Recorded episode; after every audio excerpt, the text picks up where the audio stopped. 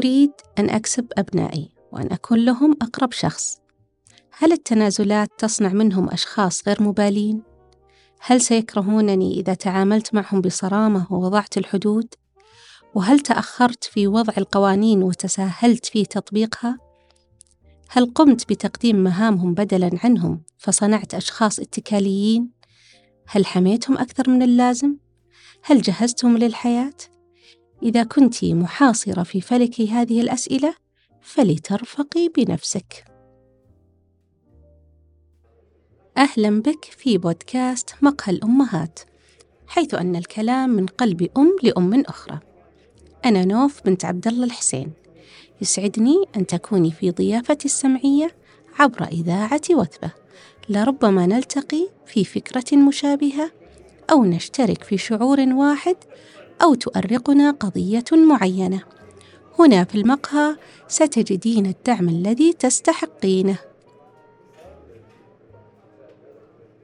يقول الصحابي الجليل معاوية بن أبي سفيان: ولو أن بيني وبين الناس شعرة لا أقطعها، كانوا إذا مدوها أرخيتها، وإن أرخوها مددتها، فكيف نحافظ على شعرة معاوية في علاقتنا مع أبنائنا؟ أولاً لابد أن تعرفين أن التربية ليست لها علاقة بحجم الحب، حيث أن حب الأم لابنائها حب غير مشروط، وبالتالي لابد أن تكون هذه المحبة متبادلة بين الأم والطفل. ولتغذية هذه المشاعر لابد من البوح بها دائما، كأن تقول الأم لطفلها: أنت شخص عظيم، وأنا أحبك كثير وفوق ما تتصور. أنا محظوظة أنك ابني، أنا ربي رزقني بأحلى البنات، أنت أحلى شيء حدث في حياتي.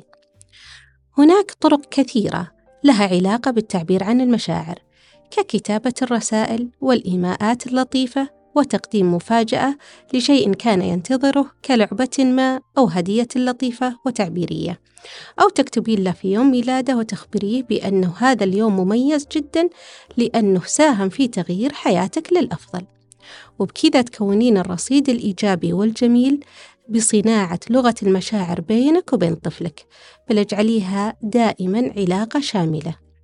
كوني لهم الحبيبة والرفيقة والصديقة والأم والمستشارة، واجعلي علاقتك معهم علاقة آمنة لا يخشون من قول الحقيقة حتى لو كانت هذه الحقيقة ضدهم. فحين يكون حبك غير مشروط بسلوك أو نتيجة لردة فعل معين، سيكون موضوع التربية بعد ذلك سلسا بإذن الله. أنا لا أقول أن موضوع التربية سهل، ولكن هناك أساليب تجعلها سلسة، وطرق متنوعة تجعل النتائج مرضية جدا. ولنبدأ مبكرا من الساعة الأولى التي تتكون فيها روابط هذه العلاقة الفريدة.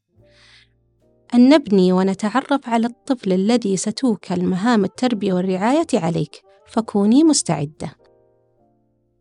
إذا مسؤوليتك منذ البداية هي تجهيزه للحياة، وذلك من خلال تدريبه على أبسط المهارات، كأن يقوم بارتداء ملابسه بنفسه، أن يأكل بنفسه، أن يرتب سريره، أن يضع ملابسه المتسخة في سلة الغسيل، وأن يسرح شعره، وأن يستحم بنفسه، وهكذا.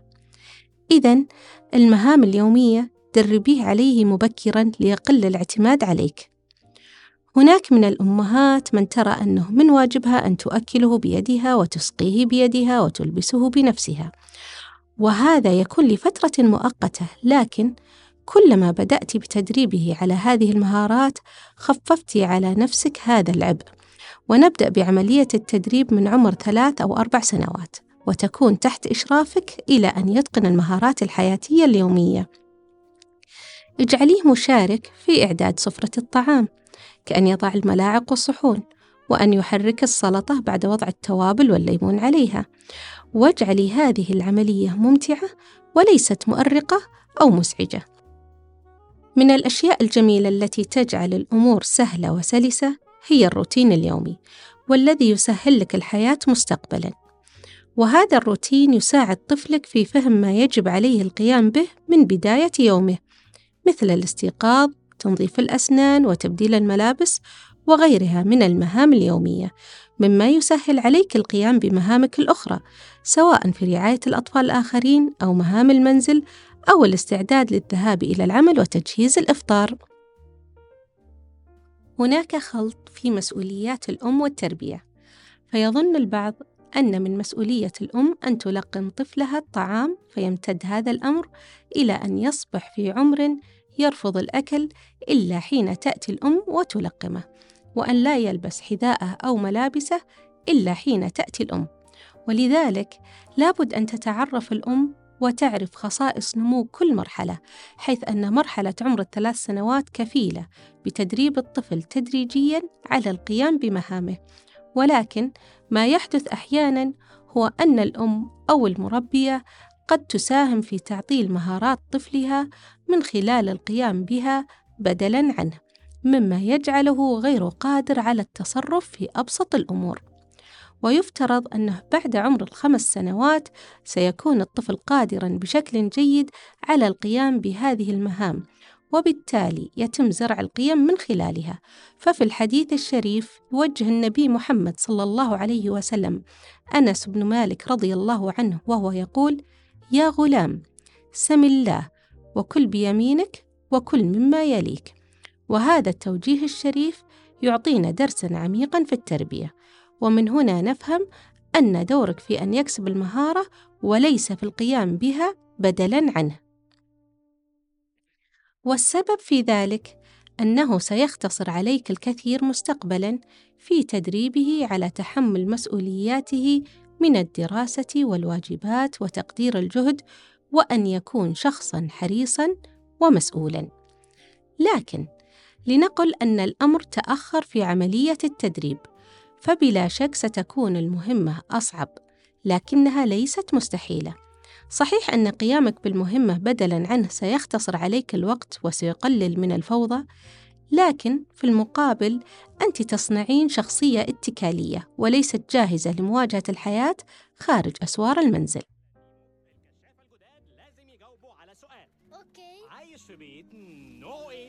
شقائق نعم نعمين نعمين طيب ما تقلقش نفسك. أهلا بيك مع الكشافه للعلم بالشيء. زعنفته قصيره لو تعب معايا هو عايم بديله استراحة. عشر دقايق بابا المفروض دلوقتي تروح. ما تقلقش. هنفضل مع بعض على طول. يلا يا أولاد. كله يبقى العينين وما تنسوش اللي عنده تعليقات جار خيشومية يخليها لنفسه. والكلام ليك يا جيمي. آه سلام يا نيمو. سلام. سلام يا حبيبي. نايب خد بالك. يا مش بطال بالنسبة لأب مبتدئ. أيوه لازم يتعودوا الاعتماد على نفسهم. أيوه أنا قلقت قوي لما ابني راح مرة عند الخليج. أهو الصغير مسيره يكبر. الخليج؟ هيروحوا عند الخليج؟ وإزاي أنت؟ إزاي توافق؟ مجنون؟ طب أحسن نشفيهم بالزيت والليمون وندخلهم الفرن. يا برع يروق ما مال تقوليش روق يا أبو الكام أبو الجام؟ مع إنه سمكة بهلوان دمه مش خفيف. غلبان. هنشوف أنواع السمك السمك السمك. هنشوف أنواع السمك في المحيط في رخويات صدفيات. إذا لنتفق أن المهارات الحياتية مهم اكتسابها حتى نستطيع بعدها بناء المهارات الأخرى من مهارات الاعتماد على النفس. وبشكل موازي لا بد من تلقينهم القيم الإنسانية النبيلة كالرحمة والتعاون والمشاركة والتآزر والاحترام وآداب الحديث. وكل هذه القيم مقترنة بالأقوال والأفعال. وحتى تكوني مستعدة لذلك لابد من أن تكوني على أتم الجاهزية المعرفية في فهم التعامل مع طفلك فتتعرفين على نمط شخصيته. والأم هي أكثر دراية بشخصية أطفالها. واحذري من الوقوع في المصيدة.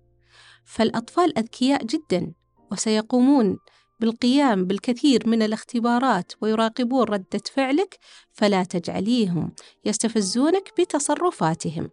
إيه يا شيخ؟ إيه يا شيخة إيه بقى يا شيخة ربنا يهد المفتري يا شيخ. كيف ذلك؟ أول نقطة مهمة جدا لك في عملية التربية هي التواجد. وليس المقصود بالتواجد البدني فقط. لا بل التواجد بكل حواسك. لابد أن تكوني مدركة ومنتبهة لهذا الطفل فلا يلهيك حدث على وسائل التواصل. فحين تكونين معه لابد أن تكوني بكلك معه. وهذا لا يكون إلا بتخصيص وقت محدد حتى ولو كانت ساعة واحدة لكنها ساعة ذهبية ثرية. بالنشاطات والفعاليات والحوارات وغيرها. النقطة الثانية هي الصوت الهادئ. الصراخ هو مجرد تنفيس عن الغضب وترويع، وأثبتت الدراسات أن الصراخ على الطفل يؤدي إلى حدوث أضرار على الدماغ، وقد يصاب بأمراض نفسية وجسدية كآلام الرقبة والصداع والاضطرابات النفسية واضطراب ما بعد الصدمة إذا كان الصراخ شديد اللهجة. لكن السؤال هو ليش تصارخين؟ لا أظن أن السبب الأول هو لأن السلوك أزعجك. تعالي نفتش سوا عن السبب. يا صديقتي، يمكن أنك متعبة، يمكن أن طاقتك مستنزفة، ويمكن ما عندك أحد يساعدك في التربية. ابحثي عن السبب وحاولي تعالجينه، لأني أعلم يقينا أنك لا تقصدين ذلك. أنت في صميم داخلك تحبين هذا الطفل أكثر من أي شيء في حياتك. ولا تريدين له الأذية وهدفك أنك تربينه. لكن انتبهي لنفسك أولا حتى يجد أم تتحدث معه بشكل هادئ حتى حين توبخه. النقطة الثالثة هي الوضوح. لابد أن تكون قوانينك واضحة وصريحة ولها عواقب. وهذه المرة سأطرح قانون واضح للمراهقين. لما ناكل ما تشغلنا الجوالات. وقت الغداء مع الأهل. نتكلم بأدب واحترام مع بعض في البيت بدون ألفاظ مسيئة وخصوصا بوجودي. هذا الوضوح يساعد كثيرا في عدم التصادم بينكم. يكون الأمر واضح وصريح والوضوح يسهل للأبناء التقيد بها وعدم الذبذبة. النقطة الرابعة هي الثبات والثبات يجعل القانون ذو قيمة والعكس صحيح. والقصد من الثبات هو عدم التراخي في تنفيذ القانون مثل ساعات النوم المبكرة ترتيب المكان وغيرها. النقطة الخامسة الصبر. ففي الحديث الشريف يقول الرسول صلى الله عليه وسلم إنما العلم بالتعلم والحلم بالتحلم فالصبر والحلم من أهم الصفات التي تحتاجها الأم ولتذكر نفسها دائما أنها قادرة على أداء هذه المهمة العظيمة. النقطة السادسة الأمان.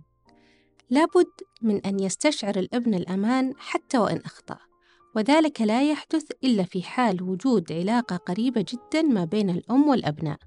فالأمان يأتي من منبع الثقة المتبادلة بين الطرفين وأن الخطأ الذي صدر من الابن أو الابنة سيغتفر وسنجد الحلول ولن ينقص من محبة الأم أي شيء بل هنا مهمة الأم حماية الابن والابنة من الذهاب إلى مصادر أخرى خطيرة قد تعطيهم أمان مزيف يقودهم إلى التهلكة. النقطة السابعة العواقب. لابد من أن يعرف الأبناء أن لكل فعل عاقبة، وبالتالي هذه العواقب لها اتفاقيات مسبقة، مثل تقليص بعض الامتيازات أو الحرمان من بعض الرفاهية، وأن تكون هذه العاقبة ذات تأثير عميق. ولقد ذكرت في هذه النقطة العواقب وليست العقوبات حيث أن العقوبة أشبه بالقصاص وفي المقابل العاقبة تكون نتيجة لردة الفعل سواء كان الفعل جيد أو سيء. فمثلا عاقبة السلوك الجيد مكافأة مستحقة وهي مرتبطة بحسب الفعل. النقطة الثامنة الاعتراف بالخطأ. لا توجد أم لم تقع في خطأ تربوي مع أبنائها لكن الأم الشجاعة هي التي تعترف بالخطأ وتعتذر لهم لأنها بذلك تعطيهم درس مهم في التربية أن الخطأ وارد والاعتذار من شيم الشجعان وأنها تعمل على تحسين أخطائها مثلهم تماما. وعودة إلى شعرة معاوية فلا تتساهلي كثيرا لتختصري على نفسك معاناة وقتية لترتاحي من بكاء أو مقاومة. ولا تكوني شديدة الصرامة وتصنعين قوالب ضيقة تضعيهم داخلها. كوني متزنة في التعامل معهم. وخوضي التجربة بوعي. وفكري كيف ستكون تجربة ممتعة دون أن تصابي بإحباط أو خذلان أو تتجاهلين دورك المهم والأساسي في حياة طفلك. والآن بعد أن ارتشفنا القهوة معًا وشاركنا همومنا كأمهات وتصفحنا بعض التحديات التي تواجهنا آمل أنك وجدت في مقهى الأمهات رفيقا داعما وصوتا مؤازرا وصحبة طيبة. وإلى أن نلتقي تذكري أنك أم عظيمة رغم كل شيء.